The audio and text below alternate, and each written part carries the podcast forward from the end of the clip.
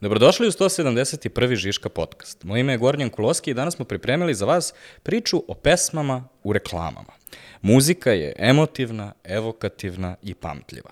Izvođači su često centar pažnje čitavih demokratskih kategorija, što čini pesme idealnim za reklame, što ćemo dokazati samom količinom primera koje ćemo izneti danas.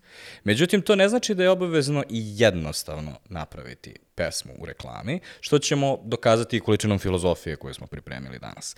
U tome će mi pomoći danas Boris Postovnik, koga možda znate iz mnogih reklama koje je snimio i u kojima često peva i glumi, trenutno direktor Doma kulture Studenski grad, a po vokaciji projektni menadžer i operski pevač. Ne znam kako te dve stvari tačno idu zajedno, ali Borise, dobrodošao u Žiška podcast. Hvala na pozivu. Vi slušate Žiško podcast. Ove, e, takođe želeo sam da ti zahvalim e, što si tu, pošto u suprotnom bih ja morao da pevam sve ove pesme kao primere, ove, što je bilo zaista teško za slušati. A, a i takođe da ti se izvinim, ti si jedini koji je imao hendikep u odnosu na a, sve ostale goste, zato što si pripremao temu koja e, je delom već obrađena. Mi smo radili već epizodu o džinglovima. Pa ajde da počnemo možda tu. Um, šta je za tebe razlika između džingla i pune ono pesme u reklami. Uh -huh.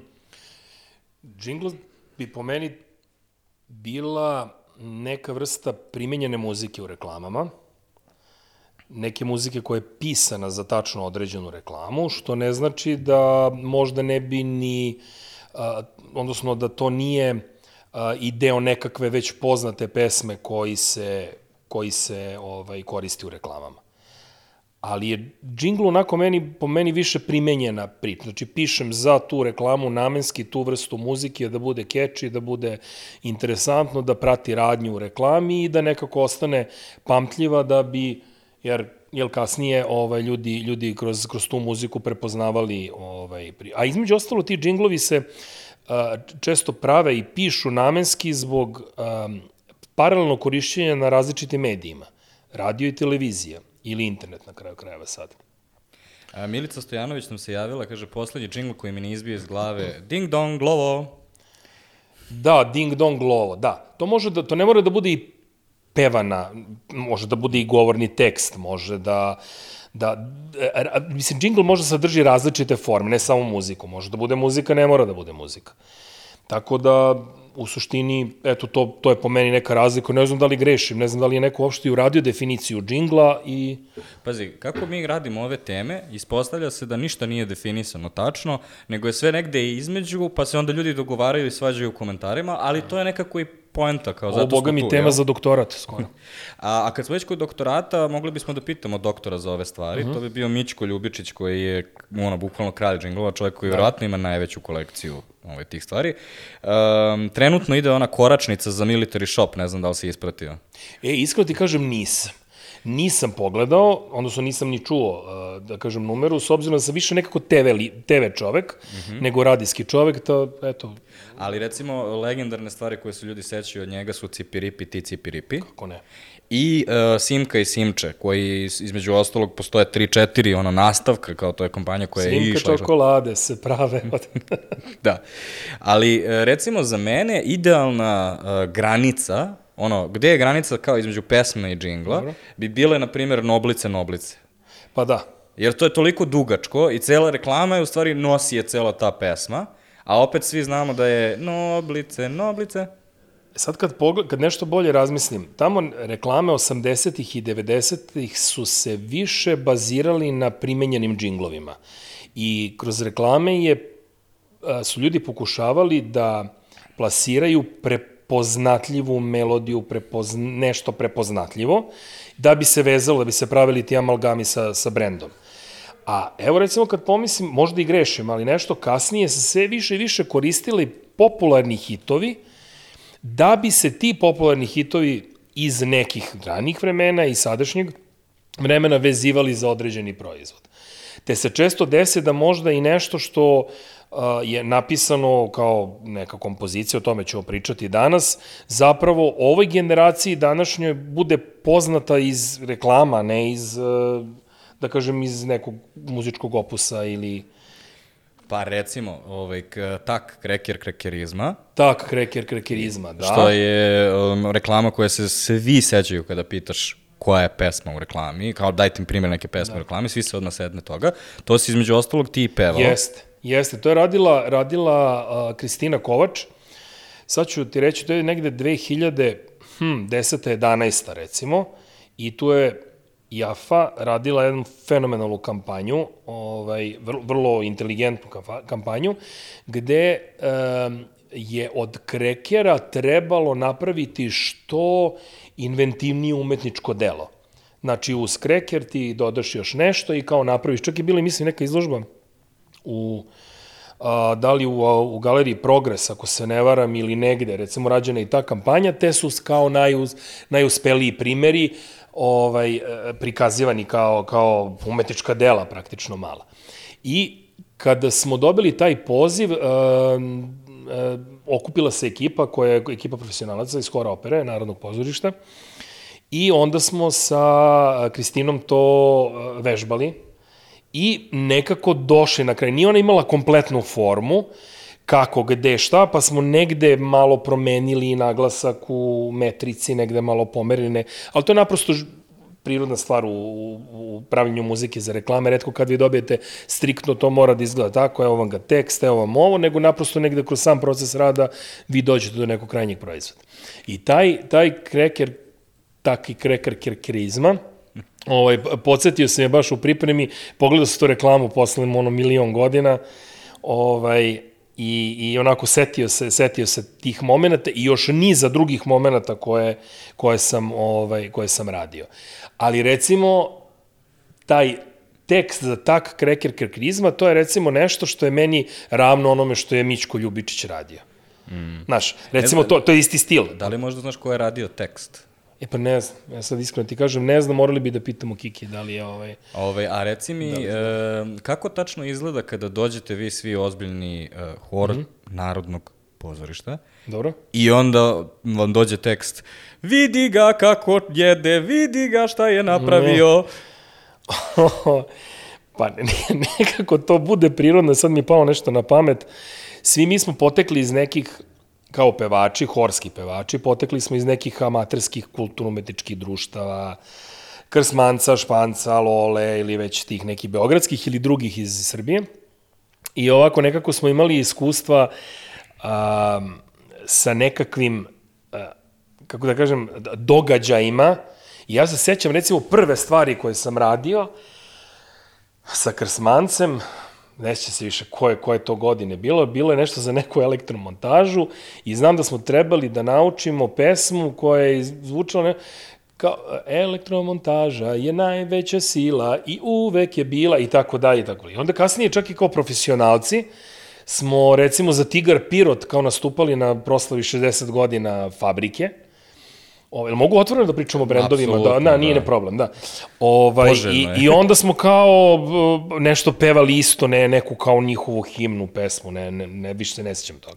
Molim te mi reci da, ima, ima trenutak kada svi ričete kao tigrovi.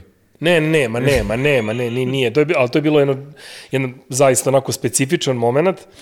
Ovaj, uh, onako vrlo jedno gala, gala veče, uh, buna ta sala Doma kulture, predivnog Doma kulture u Pirotu, ovaj, sa tim uh, ljudima značajnim iz, iz grada i, i same fabrike i onda nekako, eto, hor opere je sa ansamblom opere nastupao kao sa nekom nekakvom gala programu, tako da smo imali i taj neki moment ne, nekog pevanja za nešto ti, ti, tigar, više se ne sjećam tačno šta.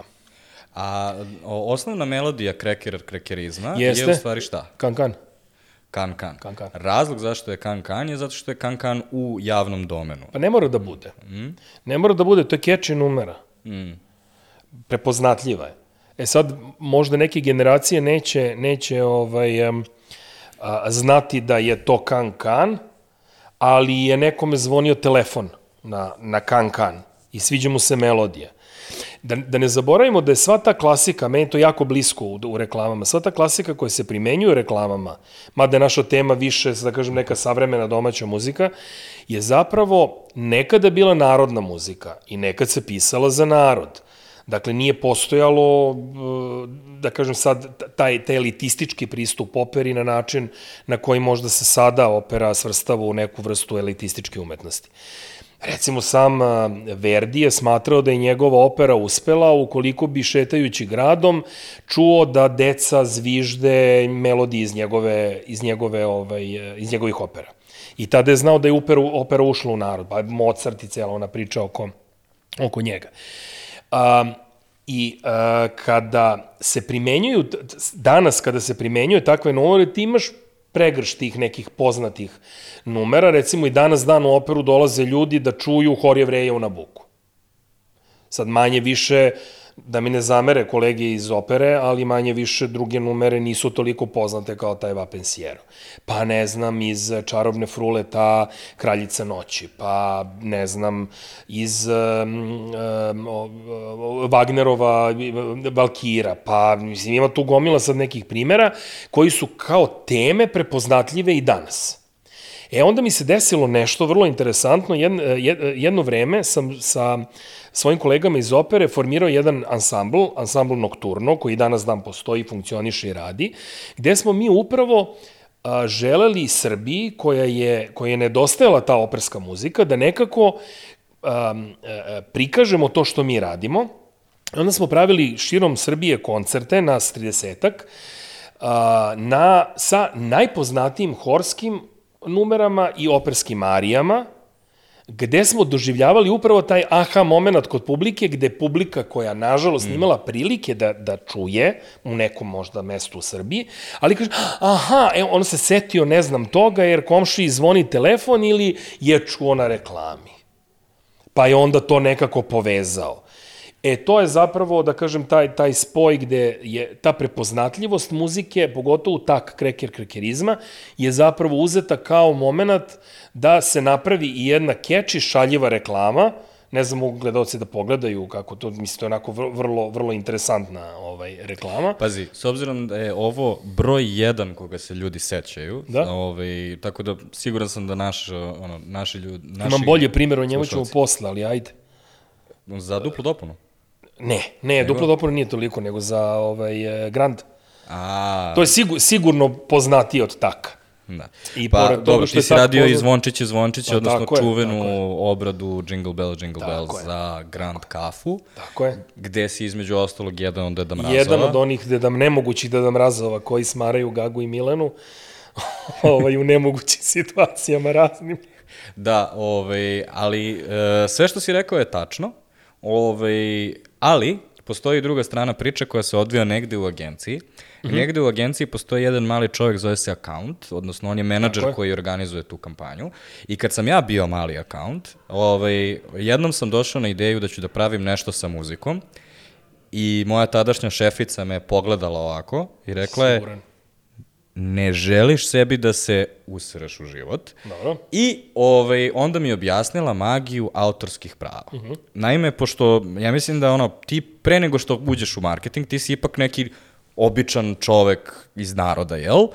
I običan čovek iz naroda nema pojma koliko je polje autorskih prava u stvari komplikovano i koliko ne, stvari je. tu treba da se dobro je. reši. Zato što neki ljudi koji su stvorili nešto treba da žive od svega toga. Znaš. Ali, ono što sam pre toga hteo da ti ovaj, da objasniš je e, da li možeš ljudima da daš neki crash kurs.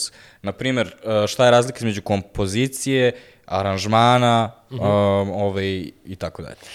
E pa vidi, uh, ukoliko nešto podleže uh, zakonu o autorskim pravima, a ako se ne varam, to je neki 75 godina eksploatacije, uh, neko nosi autorska prava na određenu melodiju, numeru i tako dalje. Vi se sad s tom numerom, pesmom, kompozicijom registrujete u Sokoju, koji je centralno telo u Srbiji za uh, ostvarivanje uh, autorskih prava, što nije agencija PI koja je vezana za izvođačka prava, to je nešto sasvim drugo. Uh, I sad tamo imaš, e, ti kad nave, navodiš ne, nek, tamo kompoziciju, kao hoćeš da prijaviš, ne znam, e, napravio si pesme i hoćeš da je prijaviš, ti moraš da navedeš e, ili da priložiš um, um, notni zapis te kompozicije, naravno audio snimak i uh, na sam, u samom formularu četiri najprepoznatljivija takta.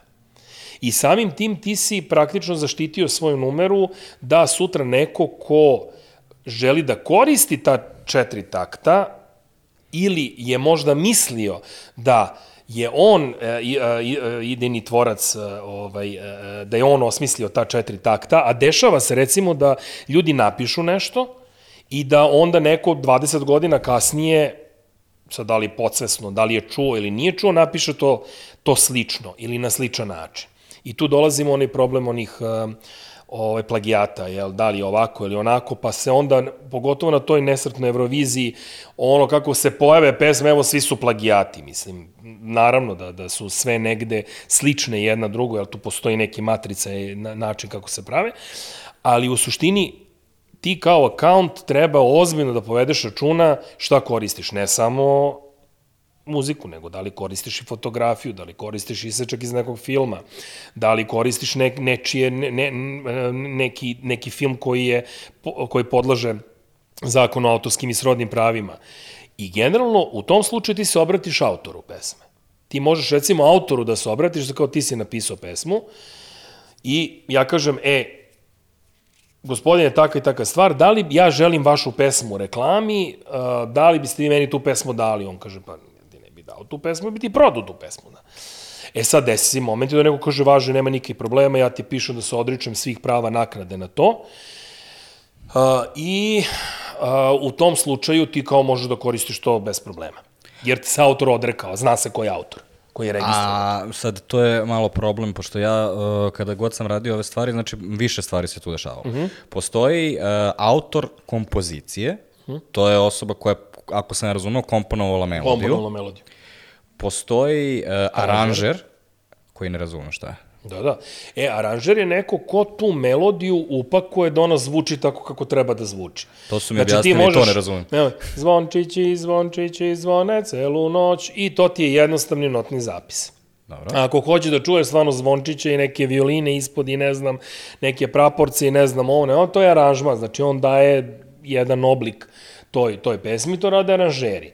E sada, u suštini, i to podleže zakonu o autorskim pravima, zbog toga što ti možeš da koristiš temu, ali imaš pravo da napraviš sobstvenu, uh, kako da kažem, sobstveni aranžman na tu neku temu. Mi kad smo radili Zvončiće, Zvončiće, oni nisu uzeti kao originalan, originalan aranžman, nego je uzeta samo melodija, I iskreno da vam kažem, recimo ja sam pokušao pre par godina, s obzirom da se to konstantno vrti već preko 15 godina, da prijavim to u uh, toj agenciji za iz, izvođačku delatnost PI i uh, susreo sam se sa onim što se zove neznanje.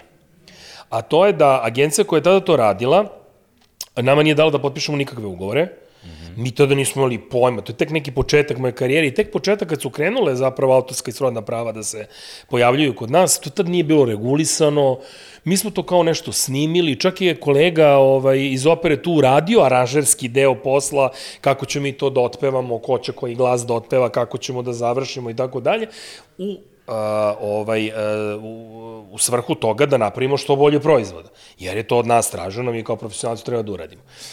Ovaj, Međutim, tada mi nismo razmišljali oko toga da li tu treba da se potpiše neki ugovor, ne treba, da li treba se zaštiti, ne treba se zaštiti i to je tako prošlo. Kompanija Grand, odnosno, um, kako se zove? Atlanti Grupa. Atlanti Grupa, jeste, ona i dalje eksploatiše to, ali recimo mi kao autori i kao pevači, izvođači nemamo nikakva prava na to. Zbog toga što ja sad ne mogu da dokažem da sam ja to pevao, jer nemam nikakav ugovor koji bi mi to... Tako da, savet svima, molim vas, taj neki papir, pa makar i bilo za ono 0 evra, 0 dinara, čega god, imate papir, jer imate pravo na nadoknadu u agenciji PI za to. I ako ste autor nekog e, neke muzike ili aranžmana, vi onda lepo imate pravo da, što se ne odnose recimo na produkciju. Sama produkcija je mesto gde je snimano, taj neko isproducirao da to zvuči opet tako kompaktno, s dubinom, ne s dubinom i tako dalje. Recimo to ne podleže, ili bar ja sad ovog trenutka ne znam da to podleže. Ali bilo koji tekst, odnosno deo teksta podleže. Tako je. I to je odvojeno, znači je. kao tekstopisac. Mm -hmm. I još jedna začkoljica koja, ove, koju ljudi nisu svesni, uh, originalna kompozicija možda ulazi u javni domen posle 70 mm -hmm. godina ili 60 i nešto, Dobro. ja mislim. Ali to ne znači da izvođa, izvođenje te, recimo ako imaš Bečku filharmoniju koja je prošlog eh, božićnog koncerta uh -huh. izvela nešto i ti koristiš taj snimak, ti i dalje koristiš nečija izvođačka. Izvođačka prava, tako je. Ti koristiš izvođačka prava, ne autorska prava. Autor je napisao, taj neko uživo izvede, ali ti iskoristiš deo snimka iz uh, ne znam, sa bečkog koncerta i to je sad izvođačka prava. Ti ljudi su se negde. Vidite, recimo, to u Srbiji nije regulisano za, za klasičnu umetnost. Mm -hmm. I uh, toliko su te nadoknade, kažem, uslovno male za izvođaštvo, da recimo, sad primjer radi, nas 50 peva neku operu, televizija to snimi, I sad bi trebalo svako od nas pojedinačno da potpiše ugovor za izvođačka prava da bi na osnovu emitovanja, reemitovanja ti mogao da dobiješ. I to uopšte nije regulisano upravo zbog tih a, komplikovanih procedura. Dok je recimo u Hrvatskoj to jako lepo regulisano i može da se reguliše sve. I Nemačka, Austrija, ta neka Evropa zapadna, ovaj, ima isto, isto regulisano. Dok recimo oni nisu uradili sledeću stvar. Nisu regulisali, se ulazimo u neku potpuno drugu temu. Znaš, ono pa, kao, ovo je... sad Spotify, Deezer, mm. da li Spotify i Deezer plaćaju autorima na način? Ne, ne plaćaju. Ne, to su sad potpuno druga problematika. Digitalna prodaja muzike, fiskalna prodaja muzike, to je jako velika razlika. Ako vi prodate CD, vi ste ga fiskalno prodali, ali ako digitalno kupite muziku, vi niste fiskalno prodali muziku, vi ste digitalno kupili muziku. Što sad kao pokušavaju i to da oporezuju pa da vide kako, mislim, moja ozbiljno poenta, polje. Moja poenta zašto sam otvorio sa ovim delom je zato što u stvari sve što sam naučio radeći bilo koje kampanje koje su i ole vezane za muziku, jeste da je na kraju, ono, ti se zaletiš u to što je da, lepa da, da. pesma i tako dalje i uvek se završi sa nekom vrstom ono, tog haosa oko autorskih Ja kao direktor institucije imao situaciju. Koleginica je za obrazovni program za koji mi nismo naplaćivali karte iskoristila fotografiju jednog uh, poznatog muzičara kao najavu za program. Dakle, mi smo ustanova obrazovanja i kulture, nismo komercijalizovali tu priču, znači nismo je prodavali u komercijalne svrhe, iskoristili smo za naš bilten koji mesečno izdajemo da neko vidi, aha, pričat će se o tom i tom muzičaru, pa vidimo kao fotografiju, koleginica je to našla na a, sajtu YouPapir, misleći da je open, da je otvoren, međutim, nama je posle toga stiglo ljubavno pismo od autora fotografije koji je rekao zašto i mene niste pitali da iskoristite tu fotografiju. Tako da sad vrlo dobro vodimo računa o tome, tu su bili neki početci mog direktorovanja, mm -hmm. ali sam se s tim susret, tako da vrlo jasno znam o čemu pričaš. E sad, hajde da pređemo u uh, malo ovaj, uh, zabavniji deo ovaj, bavljanja muzikom, a to je uh, najjednostavnija stvar koju možeš da uradiš jeste da izabereš po već postojeću pesmu i da je pustiš tako kao što kao što jeste ili na najjednostavnije. Ovaj pa i ne da jednostavno, ali da li je najjeftinije, to je sad upitno. Ovaj i tu se nameće ono izbor, možeš da ideš sa stranom, možeš da ideš sa domaćom pesmom. Šta tebi ono signalizira recimo kada ono odabereš bez ono kao opšta grupa. Šta te signaliziraju generalno ono strane pesme u odnosu na domaće?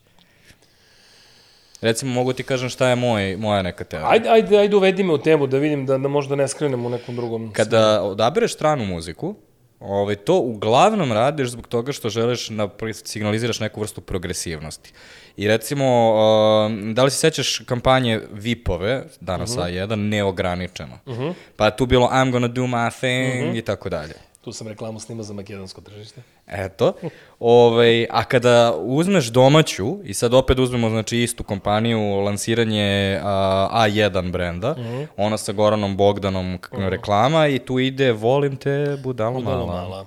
Znači to mi je nekako taj kontrast, kao sa jedne strane, ovaj, kada biraš domaću muziku, više ideš na, na osjećaje, na emocije, na sentiment, a ovde više kao, ono, vidite me što sam cool, recimo. Ne, jedno šta je u pitanju?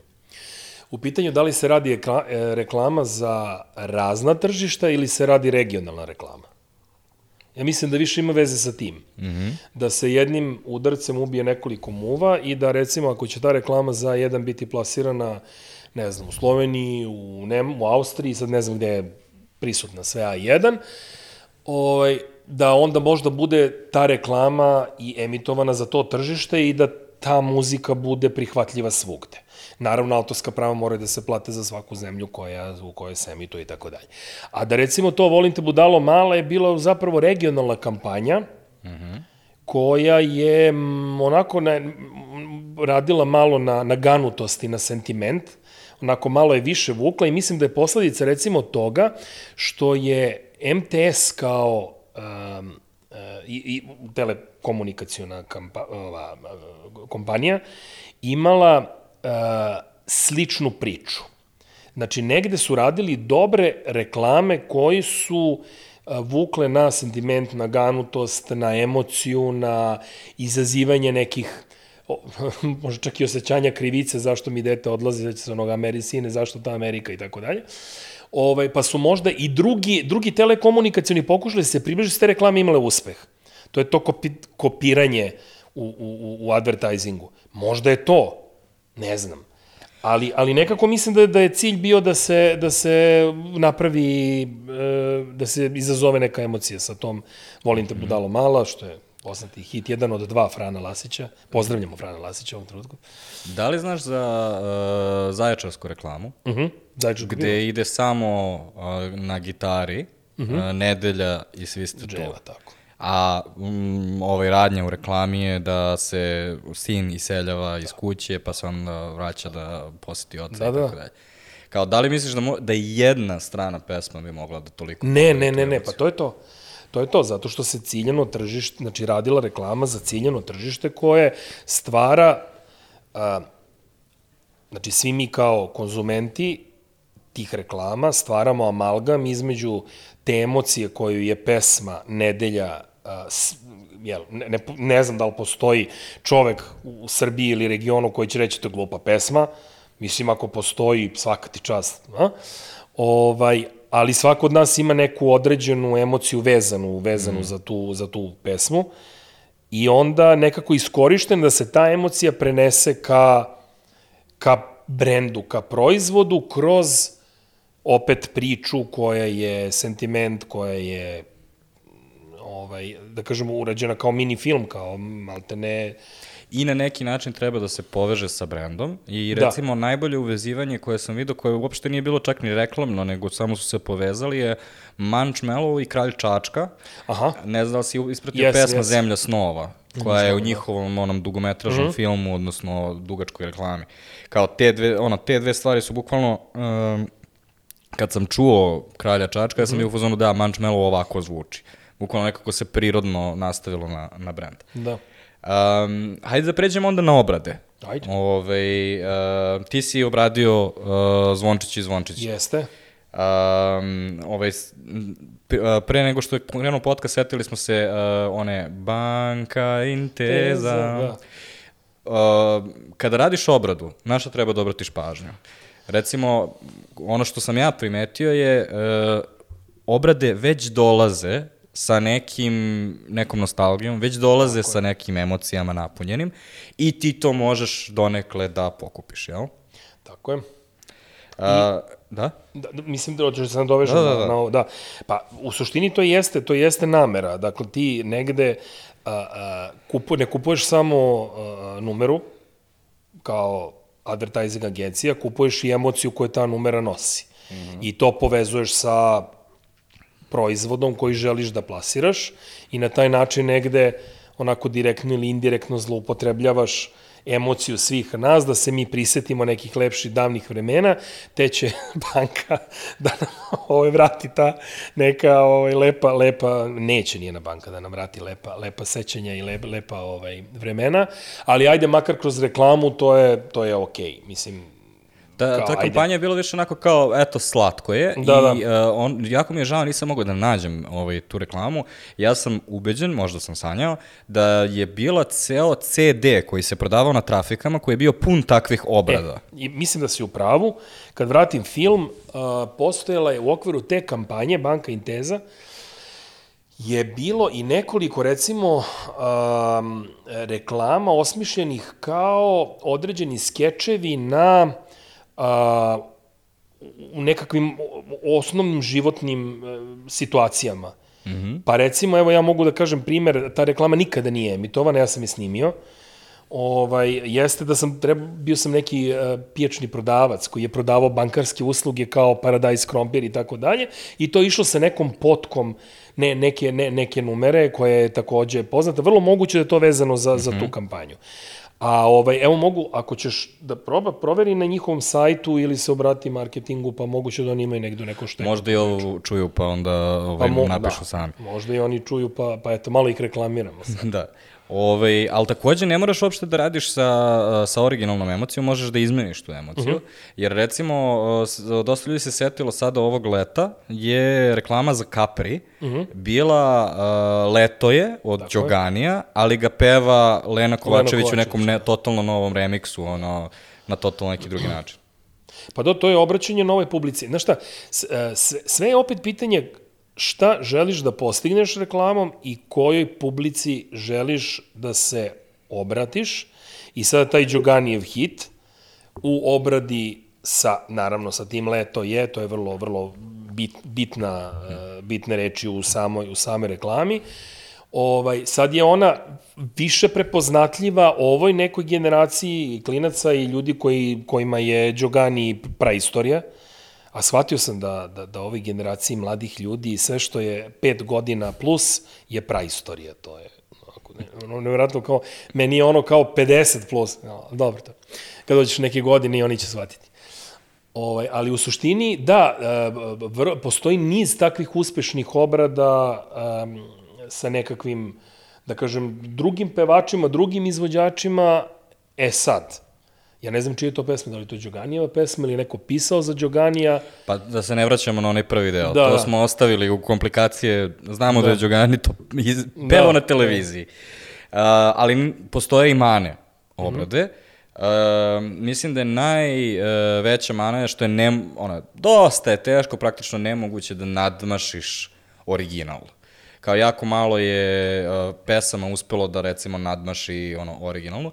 I m, recimo primer za to bi bio, uh, da li se sećaš praznici nam stižu? Mhm. A, da li znaš kako ide engleska verzija?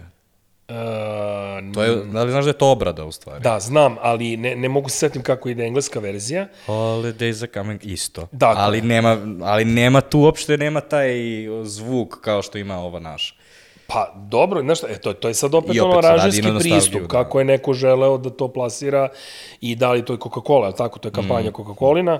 Ovaj, I da, oni uvek rade te sentiment, reklame koje rade na ganu, to Jeste, sentiment, da. praznike, okupljanje porodice i to im prolazi godinama i to je već postalo prepoznavljivo, pa čak i taj Deda Mraz uh, za kompaniju Grand, pošto ne možemo više reći Grand Kafa, to više nije Grand Kafa, to je Grand, jer nije kafa. ovaj, um, Čak i, čak i to, znači ti Deda Mrazovi su zapravo ukradeni od Coca-Cola, koja nije samo brendirala to Deda Mraza, a zapravo je nastala kao A čekaj, podsjeti me, su vaši Deda Mrazovi bili crveni? crveni, da, da, baš crveni, klasično Coca-Cola Deda Mraz, ali su kao, jel, pošto ih Coca-Cola... Ali ih je bilo više, to je bio e, ceo bilo ih, thing. da. Bilo nas je nekad, nekad e, četvorica, nekad e, šestorica, nekad osmorica, zavisi od koncepta svih reklama. Ovaj, ali e, bukvalno od 2003. godine do poslednje reklame sa Gagom i Milenom koji smo radili, sam radio. Mm. Izuzev jedne, a to je letnja reklama Granda, Grand Cafe, gde je ovde da mrazovi istračavaju na plažu, e, recimo tu reklamu nisam radio samo, nisam bio u mogućnosti, sve ostale sam radio sa onim čuvenim brazilkama. Ovaj, E, vidiš, to sam zaboravio, da, sad da, se da, tek to, sećam. uf, to- to je bilo, to se snimalo, boga mi, nekih desetak dana smo mi imali, imali koreografske probe, imali svašta rumba, samba, svašta je moralo tu da se, da se ovaj, nauči. E sad, um, ovaj, razmišljao sam i o opciji kao o nečemu, o nekoj pesmi u reklami koja je nadmašila original i mislim da sam se setio jedne. Daj primjer. Ne znam da li se sećaš, nedavno je uh, Jelen Pivo za navijačku pesmu uradilo Pukni Zoro, ali uradili su onako kao kreće prvo da se pomalja i onda odjednom kada krene refren, onda puca ono stadionski hor, odnosno navijači pevaju. O pukni zora i tako dalje. Evo i sad sam se naježio. Da. Ali takođe ta kampanja je, ono, baš moraš da ideš ono all in, jer između ostalog Bijela u ono, vrhuncu svoje ono, sad karijere kao kada je izdao Senke nad Balkanom i sve ostalo, on radi naraciju koja ide pre toga i onda on završava naraciju i onda kreće Ali znaš ko je pisao Pukni Zor? a, Magnifico. Jeste. To gomila ljudi ne zna. Da, da, Svi su ubeđeni da to stara srpska pesma od ono, pre milion godina. Ne, nije, samo je čovjek dobro napravio pesmu koja oslikava neko vreme i eto nekako je našla, našla puta do... Mm. Da, jeste, tu, tu mogu da se složim, ali generalno ta pesma e, vuče sa sobom taj zdrav nacionalni prizvuk i nekako e, vuče ka tom kolektivizmu, znaš, kao to, to je naša pesma. Pa onda, e, ako se ne varam, čak i neka vojna jedinica, neki žandarmerija ili nešto, kao to proglasila mm. svojom numerom, pa se ona kao izvodi u tom e, tim e, momentima stvaranja zajedništva, zajedno smo, zajedno smo jači i tako dalje. Tako da je to poruka sigurno koju, hte, koju su hteli i tom reklamom da od ničega ka stadionu gde smo svi sila i Da, generalno ako se uradi dobro može da ono bude jako, jako korisno. Između ostalog to znam zato što smo mi u to vreme radili Love Pivo Digital uh -huh. i e, verovatno se ne sećaš kako je izgledala, paralelno je išla i himna navijača koju je radio Love.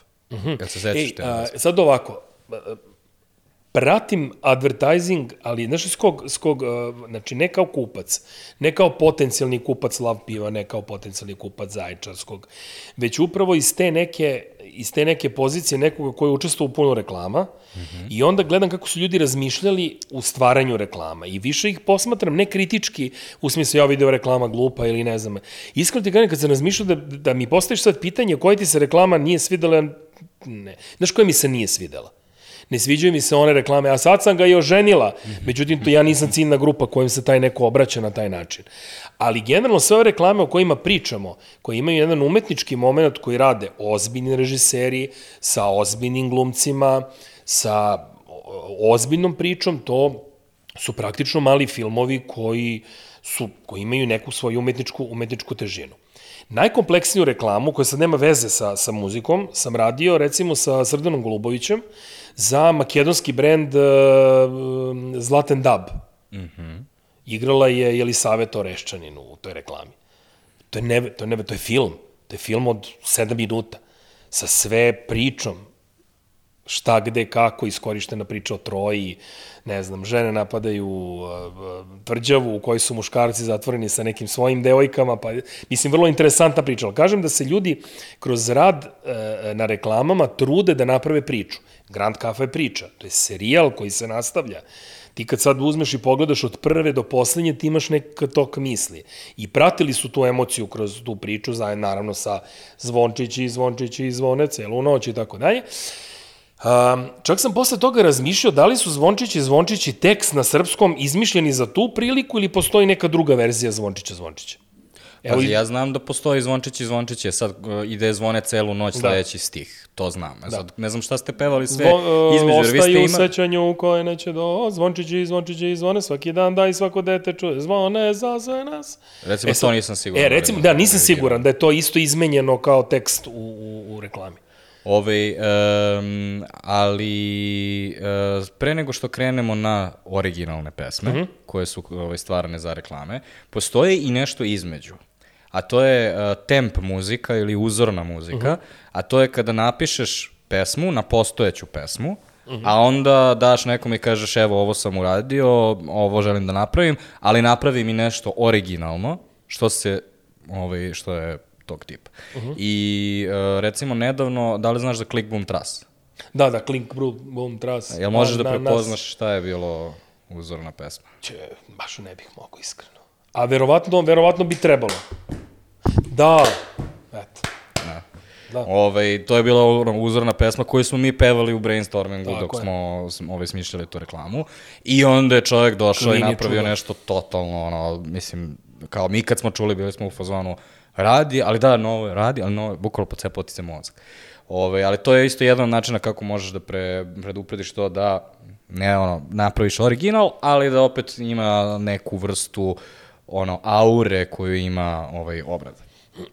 E, Elem, ovaj, e, poslednja stvar koju moraš da razmišljaš o tome e, kada pozajemljuješ, kada obrađuješ pesmu, a, je da li si dovoljno edgy da pozajmiš celu pesmu koju pozajemljuješ. Recimo, Nebojša Krivokuća nam je mm -hmm. poslao scenu koja se desila. Kaže, Uh, bio nama nedavno zabavni moment. Uh, banka za TVC bira da svira Eva Brown. Mm -hmm. I pre nego što je speaker uzdeo vazduh, kreće stih koji znamo svi već 25 godina, ali je nezgodan da se čuje u reklami za finansijsku instituciju. Tonac ne zna šta će, udara po karaokejzeru, to ne zna šta je, da vokal začuti, ide telo banke, a svima nam u glavama odzvanja i pokret oka prevara ko navika uh -huh. u kampanji za banku. Da, da reč Ove- prevara je malo... Hm. Da. Ove, ali to je dosta često u stvari problem. Uh -huh. uh, I ovde sad kad prelazimo u originalne pesme, kada kreneš da sarađuješ sa originalnim autorima, Um, dosta, ono, raz zašto su mnogo ljudi koji su u mainstreamu popularni je zato što su na neki način ono, na margini iz, izlaze iz nekog ono, prihvatljivog miljeja, nisu uh, ono, na neki način su buntovnici. Uh -huh. A većina brendova, iako negde možda piše da žele da budu buntovnici, nije tačno konforna ovaj, sa time. I recimo, to, to je trenutak ono, a, sretnu se marketing direktorka i izvođač u backstage-u i a, jedan drugome, nećemo reći ko kome, ponudi a, ono, drogu. I kao brand manager sa kojim sam ja bio stoji sa strane i kao jo. Tako da te stvari se ovaj, dešavaju. Um, ali, uh, ono što je uh, problem je što uh, možda i širi problem od toga je što je jako teško da, da garantuješ uspeh. I recimo to sve što si ti opisao um, do sada, recimo Grand, uh -huh. je, vi ste praktično, uz, uzeli ste znači Deda Mrazove koje je razradila Coca-Cola, uh -huh. uzeli ste Zvončići i Zvončići, uzeli ste praporce u muzici koji evociraju ovaj, Božić, a, uzeli ste Gagu i Milenu koji su par ko, koji ljudi znaju, znači već nostalgije i tako dalje. Znači igrali ste se sa mnogim poznatim stvarima. A, kada praviš originalnu pesmu, a, problem sa time je što tre, ovaj, čak i ljudi koji su, a, koji su ono, trenutno u hajpu izvođači, jako teško mogu da predvide da će nešto biti hit. I onda, kao, To da. nisi siguran šta, ono, da li će ta pesma koju praviš zajedno sa izvođačem da zaživi. To da, ali vidiš, ovde si pomenuo sad gomilu nekih elemenata koji su bili dobitna kombinacija. I to je neko ko je radio tu kampanju ovaj, e, e, vrlo, vrlo dobro osmislio, jer ako se ne varam, do, ako se ne varam uh, Grand Kafa je imala niz nekakvih prom, promena vlasnika koji, recimo, nisu menjali uh, tu osnovnu ideju. Mislim da je baš, možda čak dva, dva vlasnika promenjeno od 2003. Sad, slagaću te, ne, ne znam tačno, ali znam da su uh, druge agencije radile, različite agencije su radile, ali je uvek održavano, održavana ta, ta ideja o, o, o Deda Mrazovima i Gaga i Milena kao ličnosti koji su, koji su ljudi vezali za Grand Kafu i onda čuvena domaćica može li još jedna kafica, to, može, to je džingl, ja? ili ne znam, i miris i ukus, pa je to posle, recimo, desio se moment da smo radili, um, igrali smo Sevijskog Berberina u Narodnom pozorištu, i to je inače opera koja trpi tako mali, ma, male neke dodatke ma, male neke izmene, gde sam se ja čak po jednom trenutku pojavio kao ide da mraz u toj, u toj operi. Uhapšeni da mraz, imali smo Irvasa čak na sceni, kolegu koji je igrao Irvasa. Ovaj, I onda je ovaj, kolega sad već u, ubacio u, u predstavu da se to tradicionalno i ukus i miris. On kao pije kaficu i kaže mmm, i ukus i miris. Što je besplatna reklama za Grand, ali toliko je to već zaživelo. E sada, oni su tu imali nekoliko dobitnih kombinacija, ali činjenica je da kad ti praviš kampanju za određenu reklamu, ne možeš da garantuješ da li će ta reklama ući u narod, da li će se napraviti ta spona između a, proizvode, da li će kampanja ići dovoljno dugo da ljudi usvoje, usvoje naprosto to. Jer sada smo u, u jednoj ozbiljnoj proliferaciji reklama. Tebi se određena vrsta reklama vrti dva meseca, konstantno, sumanuto, što je taj što ti puštaš tu reklamu i sad deti se ukače. A onda ta reklama dalje ne postoji. Ili je repriziraš posle Mislim da tu negde a, a, a, ljudi koji se bave marketingom u brendovima moraju da imaju jednu, jednu drug, jedan drugačiji pristup. Malo idiotizuju nas potrošača. To je kao, e, bacili smo ti ovde kao neku pričicu, ti se super uhvatio za to, onda nas nema na 8 meseci, mi super živimo, mislim, ne. Onda, ako se već ubacio priču, trudi se da nastaviš. To je recimo Grand Cafe uradila. Oni su napravili serijal, to je Jelen Pivo uradilo. To je uh, Jafa ura, radila u jednom periodu. Znači, ne, neko je to imao nameru da to radi kroz godine i da onda se kroz godine to ovaj, nekako vrti. Čak i ja jedan je u, u jednom periodu imala, imala istu, istu tu priču. A sad nekako mi se čini da je sve poprilično instant.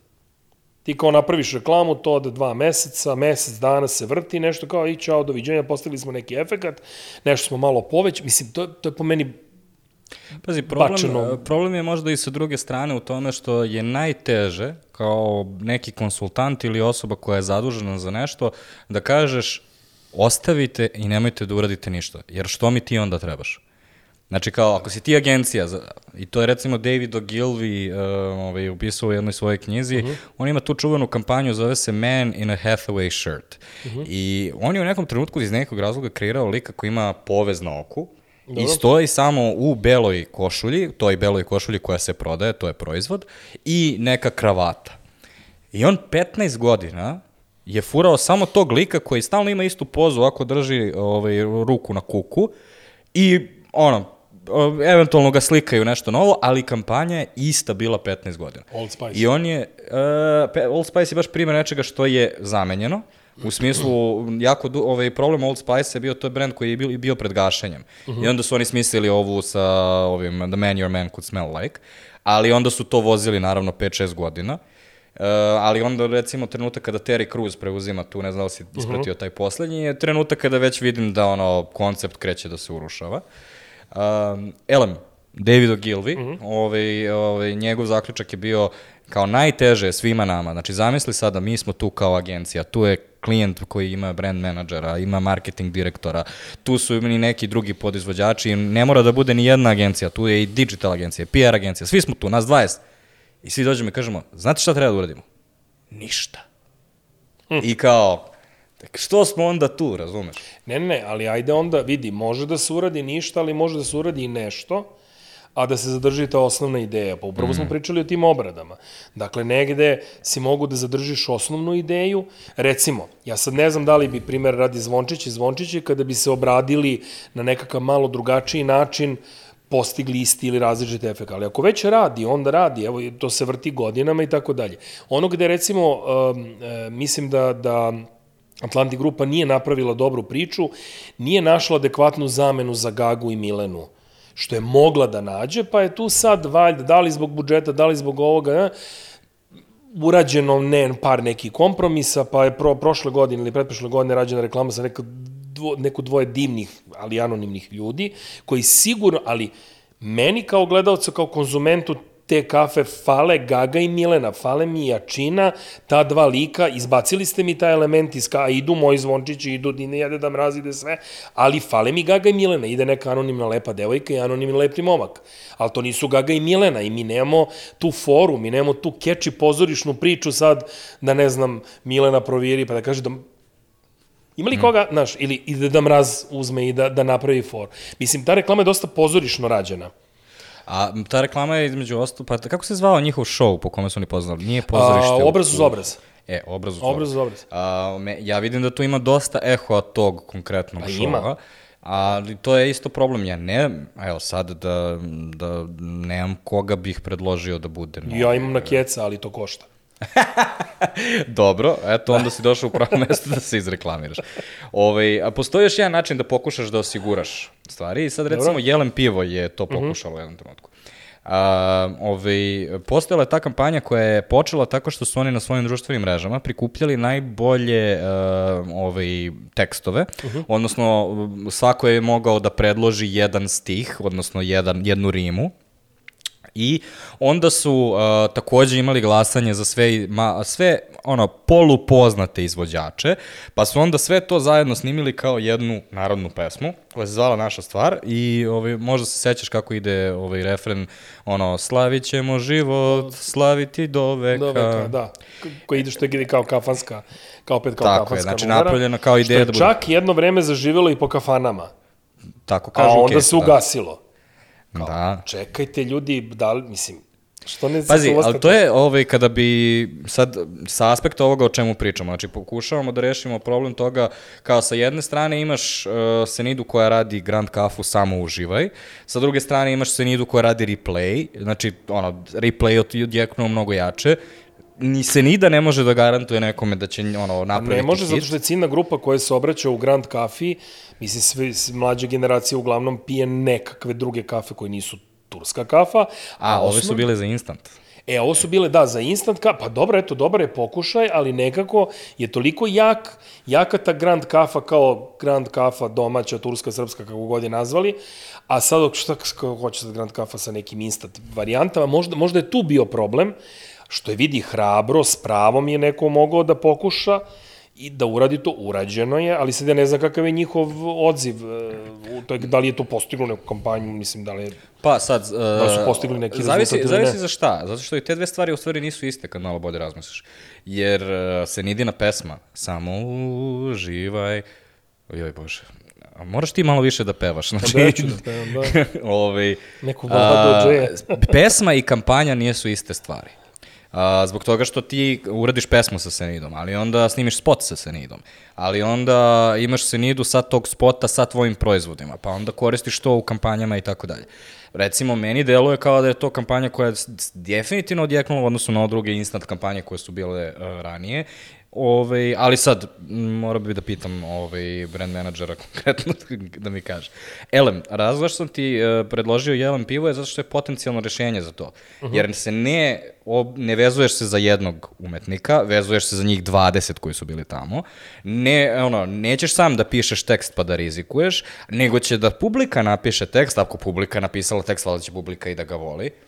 Šta tu pođe naopako? participativnost kao ključ. Uh, ono što sam naučio, što nije svojstveno mojoj generaciji, ovaj, jeste da a, ove novije generacije vole da participiraju i da budu uključeni u, u, u nešto. To je ona potreba da, da postaneš iz, iz mase ničega ne, ne, po nečemu poznat, prepoznat i tako dalje. I kako, kako stariš, onda polako razbijaš iluzije. Svi smo mi to imali kad smo bili klinci, kao, wow, sad ću ja, ne znam, da uradim nešto, pa će to da bude wow, i svi će da mi se dive i tako dalje. Neko je napravio karijeru na tome, neko nije. Ali u suštini, dobar je put to da ti uključiš ciljan, ciljnu publiku, ciljanu publiku ili recimo neke kreativne ljude da ti nešto napišu i da ti onda to lepo koristiš. Na kraju krajeva ono, Pilatovska priča kao oprao sam ruke, znaš, kao nisam ja smislio, nego je to narod odlučio tako, pa ako sad ne uspe, narod je odlučio, što je malo bez veze, kako si ozbiljan advertising stručnjak kao sad. A s druge strane, super fora jer si uključio neke, neke ljude da da ti oni daju tu priču ili emociju. E sad tu imaš svega i svačega. E sad, mislim, vidi, ni, ni, nećemo mi dati nikakav odgovor šta je pametno ovde uraditi. To je samo pitanje strategije i pitanje, recimo, a, stvari koje, mislim da je, da je ključni problem da ti reklama uspe ili ne uspe. A to je sledeća stvar. Ti imaš neku, ko, e, ne, neki brend, neke kompanije, koji treba da se reklamira. I ti angažuješ neku marketišku agenciju koja treba ti osmisli kampanju za to. I sad ta marketiška agencija uzme gomilu kreativaca, radi ovo, radi ono, predloži ovo, predloži ovo, predloži ovako, predloži onako. Polome se ljudi, što ste sigurno vi u vašem poslu žiški radite na dnevnom nivou, da bi tamo nekom, marketing ili ne znam kako god ga nazvali u toj, dokazao da je to dobro za njega. A onda dolazimo u sledeću situaciju, da vi kao ljudi iz posla napravite okidač, da u nekom birokrati koji raspolaže nekom budžetu, nekim budžetom, ovaj, izazoveš kreativca. Tu nas te pakao. A onda taj počinje da ti osmišlja šta on misli. U svojoj karijeri sam imao mnogo situacija, da je snimanje reklame teklo fenomenalno, a onda se pojavi gos, gospođa ili gospodin iz kompanije kao neko ko treba da proveri kako i kreće na licu mesta da ti menja knjigu snimanja, ne sviđa mu se je ovo naranđasto ili nije naranđasto, a zašto bi ovo moglo da bude crveno, e to onda izaziva nervozu i kod ekipe koja radi executive, koja radi izvršenu reklamu, pa se onda uključe nesretni ovaj brand menadžeri koji tu, pa onda pokušavaju da ubede da to nije sad prilika jer trebalo je to ranije neko da kaže. Evo recimo tu, tu može da nastane problem. To je osnovni problem. Mo, ja, ja molim sve firme koje žele da rade reklame, da puste posao ljudima koji znaju i da svoje menadžere, direktore ili kako god neke donosioce odluka koji imaju neku kesicu s parama da plate te ljude, da ne pokušavaju da budu kreativni. Ako već pokušavaju da budu kreativni, neka kažu ja hoću to, to, to, to, to. Ne, nego oni razvijaju kreativnost u trenutku stvaranja. E sad, smo opet ušli u neku temu. ne, ovo je dosta česta tema. Ovi, mislim da ono, postoji taj argument koji kažeš, postoji i kontraargument da neko mora da bude brand guardian. Ono što je problem je u tome što ljudi koji se treba da čuvaju brand mnogo češće skrenu u kreativu, a i te a. stvari su dosta isprepletane i onda to je ona floskula koju mi stalno ponavljamo, koju se ja mrzeo dugo vremena, a što duže radim, to više verujem u nju, to je ono, najbolje, najbitnije za odnos između klijenta i agencije je poverenje. I, nažalost, stvarno jeste tako, zato što niko ne može, svaki kreativni projekat je priča za sebe, svaka reklama koju radiš je priča za sebe i negde, recimo, sećam se ove tvoje duplo dopune, ti e, se kupaš u kadi. E, slušaj, to, to ću ti ispričat, ću ti priča za to, ajde priči. Ove, I ove, sad u tom trenutku, recimo, ja sam odgledao to, tu reklamu u dahu. I sve mi je bilo jasno. Uh mhm. -huh. Ali uh, u nekom trenutku uh, kao sam se zapitao posle, a gde je tu VIP? Mm -hmm. Gde je kao brand? Zato što, Desilo ono, kao, Nešanje. ovo je za mene kao Borisa, uh, kao, kao ja tebe upoznajem, da. je odlično, urnebesno je, sve, ono, sve mi sviđa, ali kao, da li ovo... Pojavila se neka tetka iz tadašnjeg VIP-a, izvinjavam se gospođi, odnosno neka menadžerka, koja je krenula da se meša u samo snimanje reklama. I šta je ona samo snimanje reklame? U tom trenutku ja sedim u nekakvoj vodi sa nekakvom sapunicom i to traje 20 sati. I ta ista gospođa meni ne dozvoljava da izađem iz te vode. Jer njoj se ne sviđa kadar. Dakle, vidi, dušo, ja 20 sati se kiselim u nekoj sapunici, vidi, već počinje da me boli koža ozbiljno i već počinjem da imam zdravstveni problem, dok ti kreiraš, a pritom ljudi koji su kreativci znaju šta, šta ovaj, rade. Tako da sam ja, mučenik, morao da budem šminkan.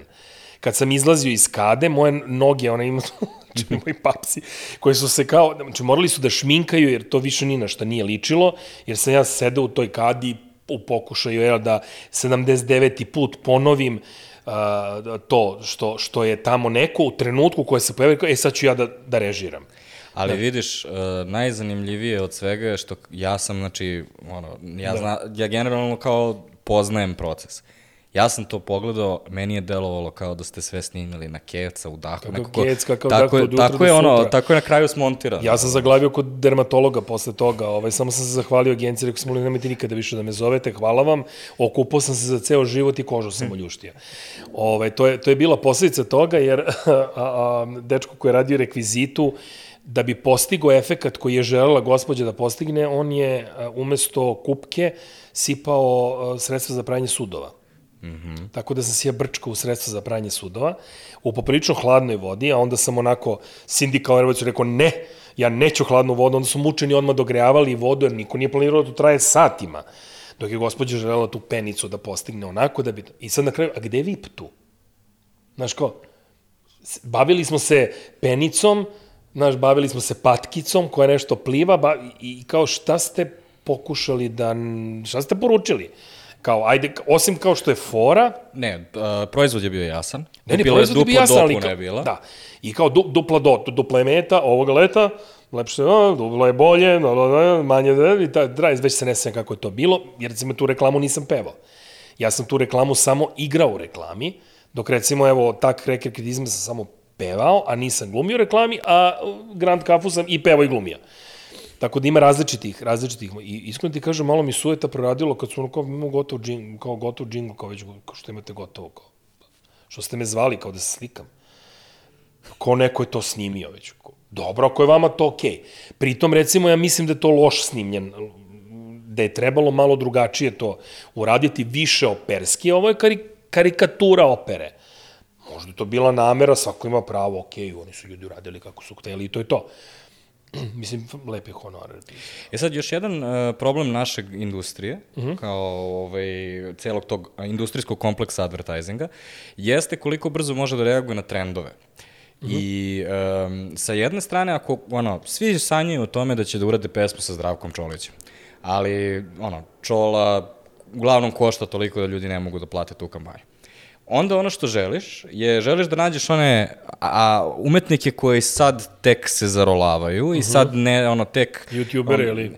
Pa ne baš youtubere, ali recimo da nađeš, nađeš Husi, ali ne sada, nego 2017. godine, uh -huh. kao što je Tuborg uradio za njihov Tuborg Open. Uh -huh. Um, ovaj, recimo, kad, je, kad su se Cobi i Senida pojavili, to je isto bio ovaj, zanimljiv primer, zato što um, smo bukvalno ono, svi bili u fazonu, e, ove likovi postaju hot i onda je nastala trka ko će da radi kampanju sa, na primjer, Cobijem i onda je Cobi imao uh, proleće, radio Tuborg Open, gde je imao sa simfonijskim orkestrom, je uradio uh, šta, mm, zaboravio sam koju sad pesmu je uradio, da, Hodom gradom kao Rambo, mm -hmm. A um, ovaj, onda je na jesen uradio sa Next Joyem uh, samo probaj. Ove, I isto tako kao ovaj, pre toga je radio ovaj H.N. Moschino, ako se sećaš. Znači, poenta je u tome što kao mi vidimo trend, onda se svi nakačimo na trend i onda više nije cool, jer kao svi su se sad iskoristili trend. Znači ti prodam jednu, jednu foru, sad mi palo na Ajde. Kako da shvatiš šta je trend? rešim ja kao 50-godišnjak sad u subotu da odem u klabing. Drugi klabing u životu. A ja više onako kafana i to ide. U, mirnija mi je atmosfera, volim malo da pričam s ljudima, ali kao ajde, treba da se odi u klabing. Čoveče, kakav kulturološki šok za meni. Onda ja shvatim da ja ne pripadam ovom svetu. I sad recimo, baš sam razmišljao u tom smeru apropo ove neke teme. Sad recimo ja da sam neki, neko ko se bavi advertisingom i da treba da osmislim reklamu, ja bi verovatno failovao.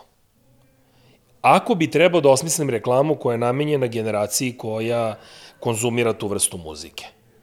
Znaš, e sad je tu vrlo bitno kome se mi obraćamo. Mislim, da li za moju ono, tetku, ne znam, Cobi ili ne znam, Senida ime ili nije ime, nije ime, J jeste, ali nije. Znači, to je samo vrlo bitno koje se ciljnoj grupi obraćaš u, u, u, u toj reklami. Pogotovo, ali zato što mi uglavnom radimo uh, u advertisingu je jako bitno raditi sa tinejdžerima i nečim, nečim što se zove young adults, to su ljudi koji su tek izašli iz tinejdžera, kod nas bi to bili studenti, recimo. Mm.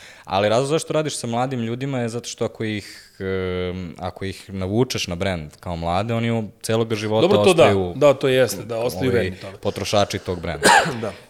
Um, ali uh, postoji jedan svetao primjer gde smo uspeli onako kao industrija i ne znam da li si ispratio taj, uh, to je zabavno na više nivoa, Ovaj Lidl je u nekom trenutku uh mhm. -huh. izbacio uh, pesmu koja je išla Svi smo u Lidlu. Uh -huh. I um, ovaj, to je bila pesma da neka tri, ja mislim da nisu poznati ljudi, nego da su neki koji su ono zaposleni tu u Lidlu, ovaj, objašnjavaju kao svi smo u Lidlu, kupujemo na popuste i tako dalje.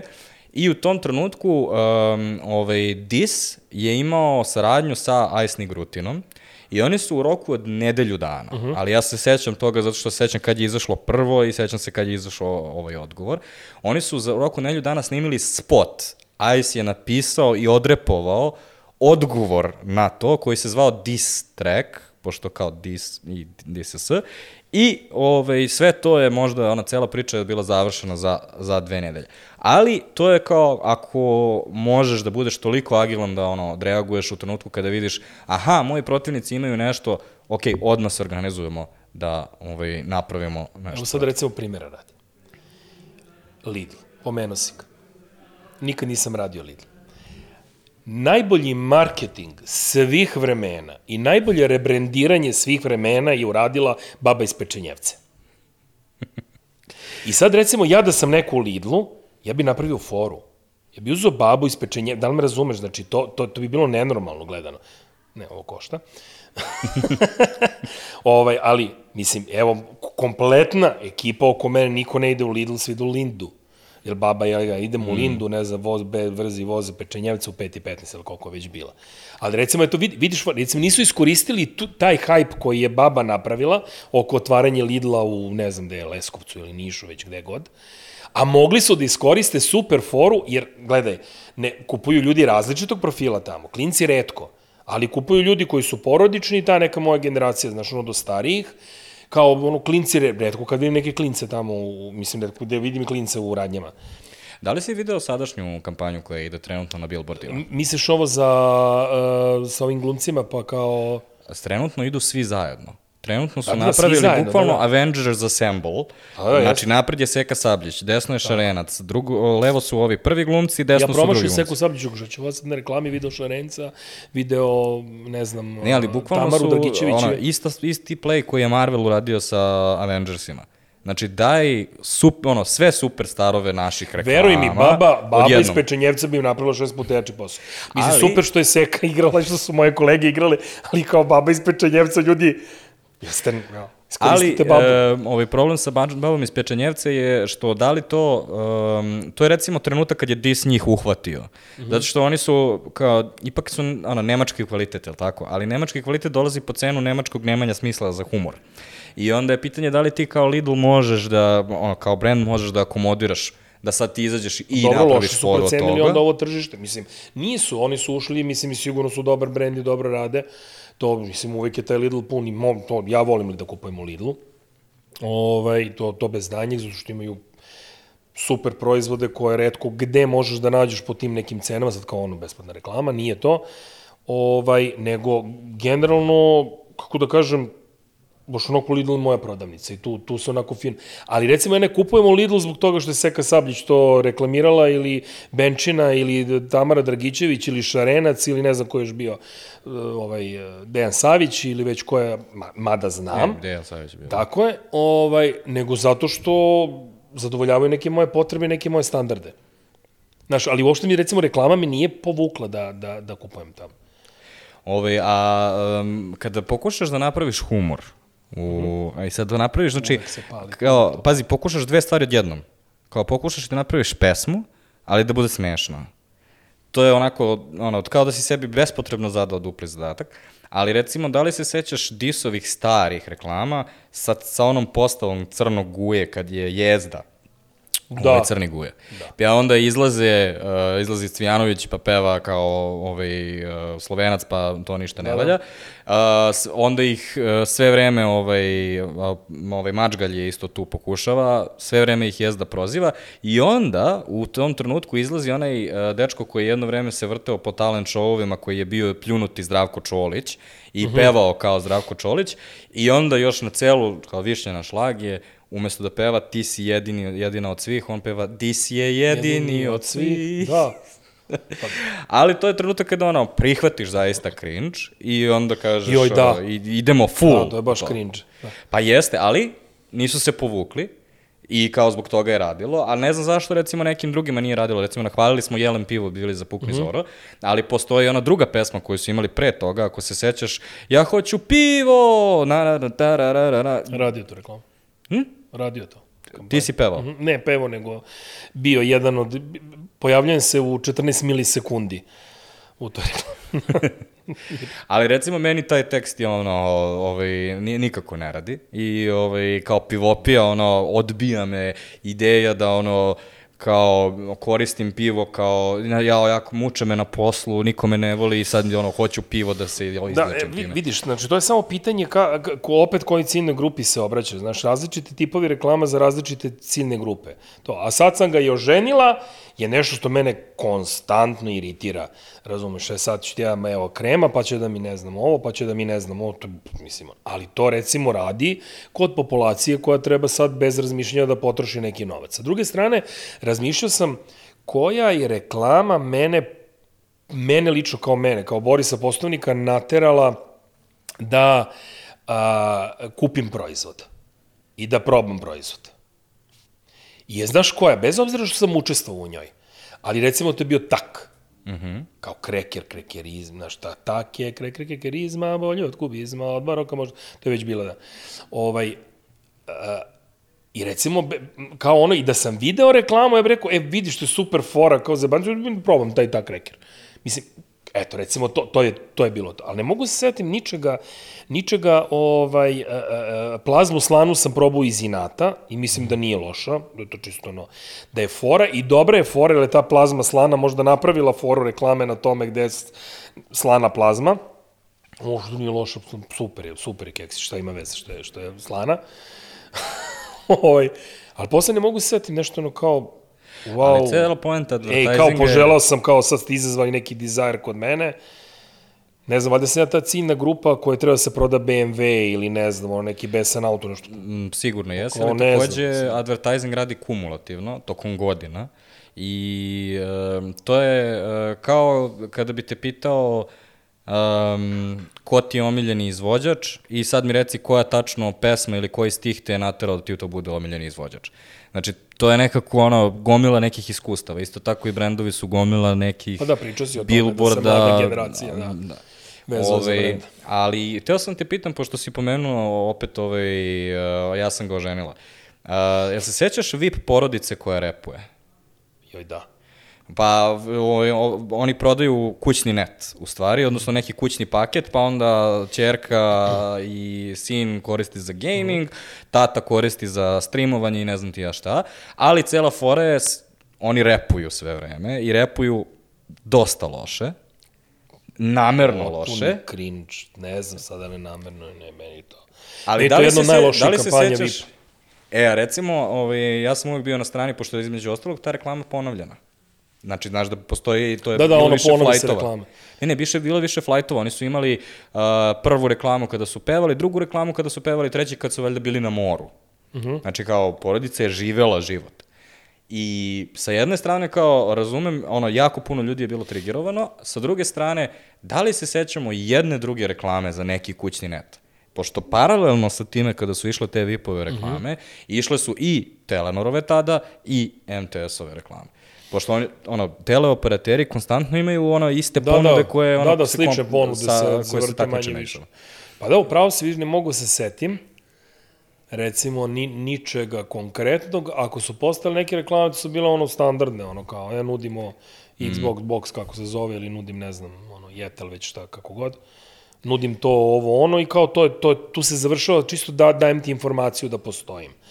Ali generalno meni je ta kampanja, re, ali to opet, znači, ja nisam merilo da kažem da je to dobro ili loše, ali recimo ja sam bio u fazonu. Prvo odabir glumaca, mi je bilo kao, nisi mi Ćale, nisi mi Keva, uopšte mi ono kao, nešto mi nisi kao tu, ne, nešto ste mi promašili tu, mm. ali promašili ste kod mene. I pored toga ja sam veran tom brendu već 12-13 godina, 14, ko, ko zna, od, od prvog dana praktično kad postoje, mislim i ta reklama nije uticala na to da ih napustim, niti da ih, ne znam, da, da uzmem, ne, naprosto nekako ono kao, okej su mi, kao, što bi sad menja nešto što mi je konstantno dobro. I da završimo ovaj, eh, priču, eh, postoji nedavno primer nekoga ko je totalno um, obrnuo celu igricu, znači ne znam da li si za, ovaj, zapazio šta su ti uradili od Štarka Baba. Sad, oni su uzeli i prepevali su Bajagu, Dobro. ali tako da su objasnili ljudima šta su uradili, pošto je cela, ceo zadatak je bio, mi smo uradili rebranding, sad treba to da stavite u TV reklamu. da, ali oni su uradili i uh, Nova pakovanja i novi Nela, logo. Nela napolitanke koje su 400 godina bile samo Nela napolitanke, a sada imaš Nela napolitanke sa rumom, Nela napolitanke ovakve, ne, ne. Verovatno je to to bilo u, u tom Ne, kontekstu. ne, evo, novi logo Štarka kad su ili da, ej, novi logo, da, sa onim. I ovaj, um, mislim da je većina njihovih eh, proizvoda dobila nova pakovanja tada. Između ostalog oni mašu, zaboravio sam koji proizvodom u reklami i onda kao šta su ti radili od čarka? Baba. Da. Ali onda, onda su ovaj, bukvalno rekli promenili ga, zapakovali ga i bukvalno su izlistali šta su sve uradili, kao onako da su prepisali iz briefa ono šta sve treba da bude komunicirano. Da, da, ali nekako odlično, je odlično su, ne, ne, odlično urađeno. Mislim, cijela ta kampanja je do, dobro urađena i, i nekako, ali recimo mene nisu sad uh, ponukali da ja sad nešto ono kao kupujem više ili manje. Mislim, a opet ja nisam, nisam merilo, dakle treba da se neka nova generacija s tim ovaj, identifikuje i da na neki način krenu da koriste proizvode. E, a ono što sam želeo da, da iskoristim ovu priliku, sad na stranu, sad te, sve te reklame, kao klinac, recimo, primjera radi, evo ja, ja dete, i to, tih 80. godina počinju a, reklame, da, da se prave džinglovi za reklame. I sada, recimo, viš, kao dete, ti usvojiš određeni, od, od, određenu reklamu koja ti se vrti i ti usvojiš tu pesmu. To se dešava i sa sadašnjom decom. I recimo, ja se sećam nekoliko reklama, melodije nekoliko reklama, koje su meni ostale u sećanju kao klincu. Hamburger Gavril Gavrilović, to je bilo kao neka deca na nekim skejtovima, to, to je praistorija, ti se nisi ni rodio tad, vjerojatno ovaj, kao hamburger Gavril, od kuće do škole, on nam je sve i svi ga vole, hamburger Gavril, vole stari i mladi, jer on je najbolji, Hambi Gavril, hamburger, mislim, budalaština kao najgora ona američka priča iz 50-ih, 60-ih. I onda još jedna debelna priča, bilo je bilo neki osveživač za WC šolju. Ne znam čiji uopšte. Kao blue je plavo, blue je okruglo, blue je svježe, blue je ime. Školjku dezinficira, a vodu plavo boji. I kao, i, ja kao, ej, ja danas dan kao konzument proizvoda kupujem takvu vrstu uh, ovih uh, osveživača za toaletnu šolju. Ono kao ubacim to nešto plavo i ono mi bude plavo i kao to mi je plavo.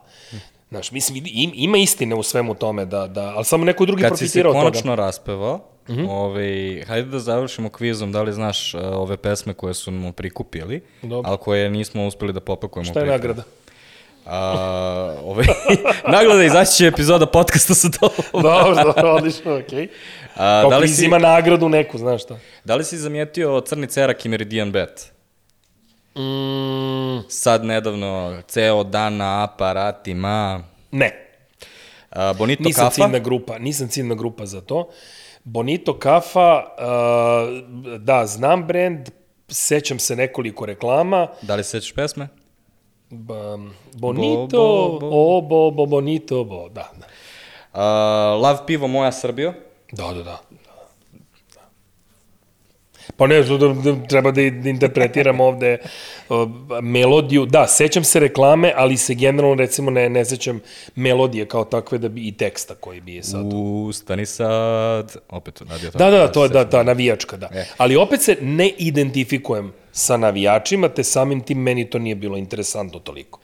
Uh, bući, bući, uh, gde nam se voće sakrilo? Jo, bože, da, bući, bući. Da, bući, bući. Gde nam se voće sakrilo? Da, da, bući, bući. Uh, ovaj, Tamara Bajlom me poslala, Smoki kaže čokoladi, ja te volim ludo. Ja, da, To, to ne je... mogu da otpevam, zato što ja, jako je ovaj, rađeno isto kao neku temp muziku sigurno. Dobro. A ne mogu da provolim šta je, ali kao bukvalno... E, vidi, sad neki... se nazvam, sad nazvam ono kao, ti se mene pozvao sad ovde da nešto pričamo o tome i sad treba da se setim svih reklama i melodija, svega nečega, kao i trebalo je možda i malo bolje da se pripremim, kao da pogledam, pa da ja budem pametan, pa da ti dam kao neke primere. ovaj, uglavnom sam se bazirao na Viš kakav sam egoističan, kao moje reklame, sećam se mojih reklama. I svi vi se sećate mojih reklama. da, to je taj, um, taj umetnički deo mene koja je ono fuzon, kako se bre ne sećaš Grand Cafe, to je... Ovaj, ali u suštini, recimo, um, uh, od tih nekih reklama, recimo to sa Lenom Kovačević, deseti, deseti, a to bi morala znati, recimo, nešto što mi je skrenulo pažnju u poslednje vreme. Mm -hmm pa onda um, to Pukni Zoro, to je to isto bilo, isto, isto mi je skrenulo pažnju. Ali postoji niz reklama koji mi apsolutno ne skrenu pažnju. Znači, nisam ciljna publika, ne obraćate mi se na način kako, kako ja vas kodiram, kako vas kapiram. A, ob, naprosto niste mi interesantni. Što ne znači da sam ja opet merilo uh, toga da li je reklama dobra ili loša. Ali, recimo, to sam hteo da iskoristim kao priliku da ti kažem šta je po meni najfantastičnija reklama svih vremena gde? Sad dobro da se razumemo. Znači, u pitanju je politička kampanja. Smem? Da, da, da. Evo ako, politička kampanja. Desi se nama 90-ih sve to što se desi. I mi svi smo protiv onih koji su, da, tako dalje, a onda se desi kampanja koja je toliko dobra i inteligentna. Sećaš ti toga? Pa ne znam sad nešto. Počnimo ljubav iz početka, do prvog zagrljaja mog SPS. Wow. Počnimo ljubav iz početka, 2008. godine nisam vraćao u parlament. Počnimo ljubav iz početka. Fenomenalna stvar. Da, ja sam mislio da ćeš reći i onaj LDP širi dalje. Sećaš toga? Sećam se toga, ali ne to LDP. toliko, e, to ti je klik bum tras, Da. ali recimo, za mene, ja sam ostao Braćo, svaka čast što ste uradili ovo. ovo. A ovaj, nedavno je bilo i ovo Moramo, ne znam da li se sećaš, oni imaju pesmu. Moramo je pop pesmi koju Da. ovaj, pevaju se zajedno. je. Ja imam čak jednu, radio sam i te političke kampanje, ali ti je interesantno to? Da, da, da. Recimo, G17 plus kad je umro, kad je stranka, ja sam radio kampanju, pevao sam im kampanju. Mm -hmm. Ovaj, za to, tako da regioni, jaka Srbija, to A, to je E. posebno, ono, svaki, svaka, e, to su one kamp, kampanjske Ka, pesme jest. koje se puštaju na... Dinkić smislio pesmicu, da. znaš, ono kao, i sad smo to kod jednog eh, eminentnog umetnika, da ga ne pominjem, koji se potpisao kao Orfej s vrlo velik, velikim razlogom. Opet, hor opere radio, odnosno deo, deo ekipe moje Nokturno je radio tu, tu kampanju. Ovaj, pa smo radili to, a pre toga smo recimo radili um, Živela Srbija, to je vreme nekih de, 2006. 7. Demokratska stranka Srbije. I sećam sam smo Jelena Tomašević i ja pevali to kao žive, Živela Srbija i to je bio slogan te mm -hmm. Živela Srbija. Da. Pa se ja čak posle bio neki dra, Dragiš, da Dragiš Urošević, kako se beše zove taj pevač. Ali interesantno je za te pesme, Da, da. One nikada u stvari ne završe u reklamama, kad malo bolje razmisliš. One se puštaju na e, mitinzima. Pa puštaju se da. na miti, mitinzima. Recimo, ja gledaj, Clinton je kompletnu svoju kampanju uradio na Le Miserablu. Mm. Do you hear the people sing, living the song of angry man i tako dalje. Recimo, to, koriste se te poznate stvari i u političkim kampanjama da bi se opet stvorio taj amalgam između mi smo progresivni, mi smo bolji od ovih i tako dalje. Što su ovi naši, recimo, u našim kampanjama koristili, pravili namenski džinglove za nešto, a neko koristio tu, mislim, meni je ta, ta, taj moment, znači vidi, braćo, ubili ste nas u pojam, e, katastrofalnu politiku imate. Ne želim da vas vidim svojim očima ikada više i vi mi šaljete poruku počljivo ljubavi s početka, oprosti mi, pa slatki ste, jeba. Znači, ne, ne ljutim se na vas kao, e, do, super vam je fora. Znači, super vam je fora, kao, počnimo ljubavi s početka i kao, pa je, nećemo početi ljubavi Što s početka, ali je super fora.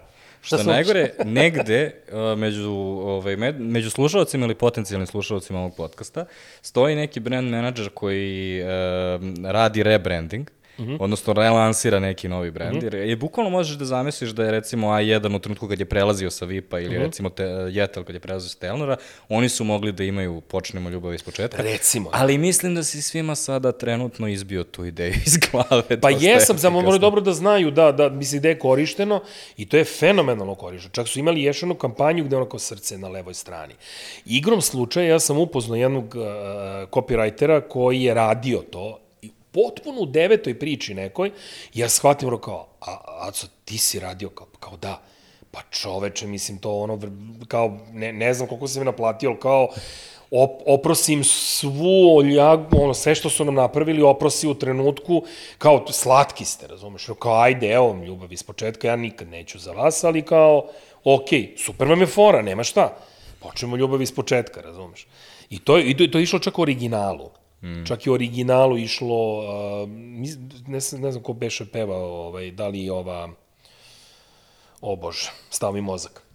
Ali, dobar trenutak... Katarina da, ova. Da. Dobar trenutak da završimo, između ostalog, zato što si lepo ilustrovao sve kompleksnosti koje dolaze sa... Jesam li? Pa, na kraju moraš da proveriš i šta je sve bilo kome kao politička pesma, da se to. slučajno tu ne zezneš.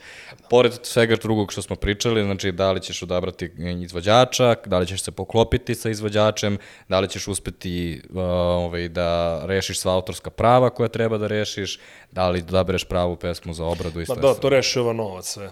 Iskreno ti kažem, ako imaš dobar budžet, a većina brendova ima solidan budžet za snimanje reklama, onda ako hoćeš Zdravka Čolića, znaš u startu da to košta, ali opet pitanje šta ćeš postići sa tim Zdravkom Čolićem i da li ćeš, sad, aj, izvini Zdravko, ovaj, tebe smo uzeli kao nekakav primer skupog čoveka, možda i nisi, ne znam, možda. Nek probaju, pa nek vide otprilike šta i kako. Ali imamo još jedan detalj koji se zove um, precenjenost. Šta je, šta je cena koju ja treba da platim kao neko ko će da snimi reklamu, da iskoristi tvoju pesmu, da bi ta pesma izazvala neki efekt? Znaš, mislim, ja se naježim kad krenu sa tim varijantama, ne znam, ej, pevam ovde za 300.000, za 800.000, ej, ljudi, koga lažete, bre? Čekaj, bre, koga lažete? Definitivno to nisu ti, ono, po- poreska molim da se ovaj, e, pozabavi tim se. Mislim, to, na kraju krajeva sve to svede na neku prihvatljivu norm, normalnu cenu manje više. Tu sam garant siguran. Znaš, mi stvarno ko će sad da plati, ne znam, za korišćenje pesme milion evra? Pa ne mislim zašto će koristiti. Mislim, koji ti obrt mora da imaš da bi, ne znam, vratio tih milion evra uloženih u, ne znam, nek, nekoga. Postoji ta još jedna stvar, to je mislim da o, ovo je recimo generacijska stvar koju sam ja uočio, barem ono, totalno neprofesionalno sa ograničenim brojem primera, a to je da je nekada ranije komercijalizacija neke pesme smatrana nečime što je ispod umetnosti.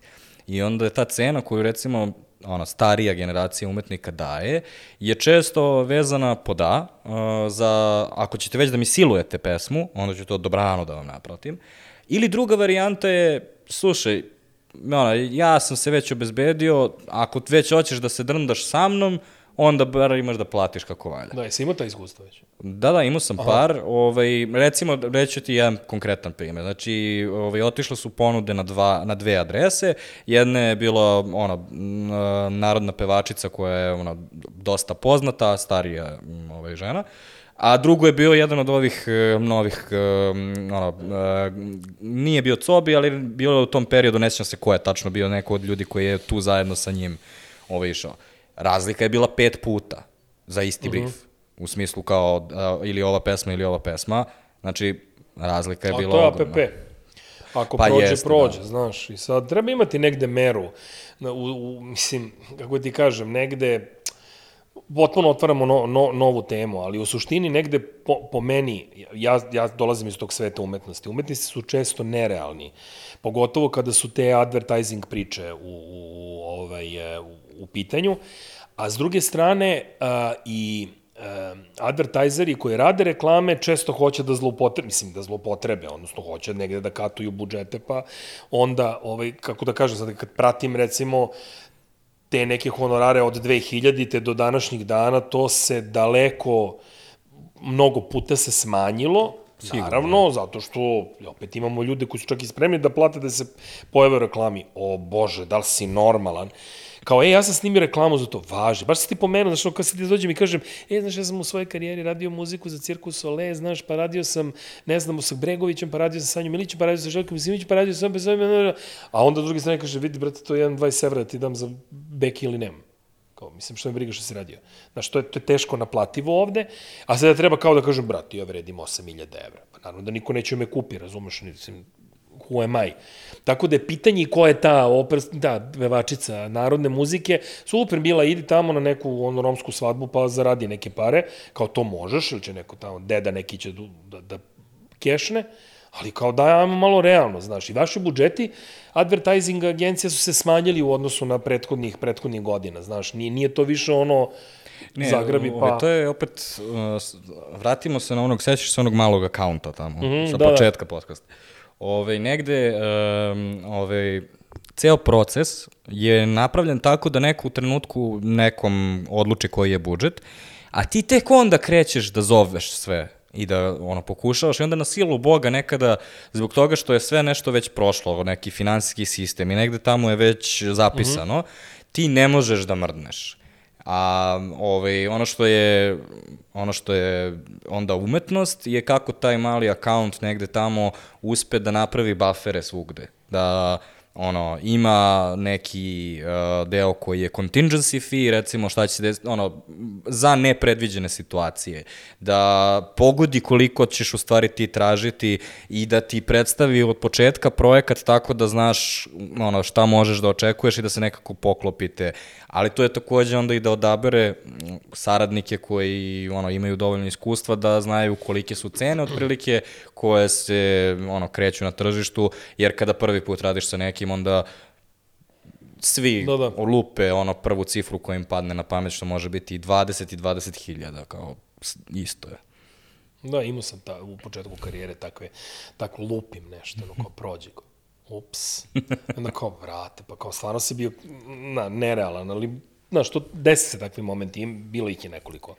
Hajde da završimo sa tim, uh, sa tim malim akauntom. Uh, ja sam ga na početku upozorio da ne radi muziku. Da li bi mu ti rekao da ipak radi? E, pa ja bih mu rekao da radi.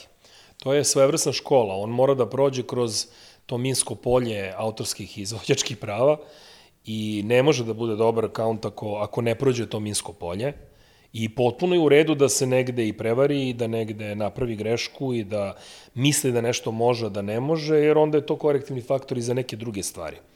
I sigurno da raditi, e sad, iskustvo nekih iz advertisinga će reći ne, ajde bolje da ja ne bih imao problema, bolje da ne radiš, to je svojevrsna autocenzura, to takođe ne valja jer uskraćuje, odnosno ukida kreativnost u, u, u advertisingu, a e, sve u svemu, da, dečko radi ili devojčice radite, pa naleti na neku minu, pa će ti to biti nauk, znaćeš kako da radiš sledeći put i da možda napraviš fantastičnu stvar. To ti ono put do uspeha je popločan neuspehom, tako da, da, da, svakako radi. Eto, ako ste stigli do ovde, onda ste čuli savet Borisov, a ako ste stigli do ovde, onda vam se sigurno i dopala ova priča. Zapratite nas na našem YouTube kanalu ili bilo koje audio platformi ili, još bolje nemojte, nego zarađajte stare epizode koje su slične ovoj, zato što mi šetamo malo sa temama, ali ako vas zanima advertising i konkretno, recimo, rekli smo već, radili smo epizodu o džinglovima, koja se naslanja na ovu epizodu, to je epizoda broj 74, ili, uh, pošto smo pominjali cringe par puta u epizodi, možete da okrenete epizodu 114, gde se konkretno bavimo cringe-om. Želim vam do slušanja, pošto podcaster niko živ ne gleda, i odak da nađem neku narednu žrtvu da pripremi neku sledeću temu. Vi slušate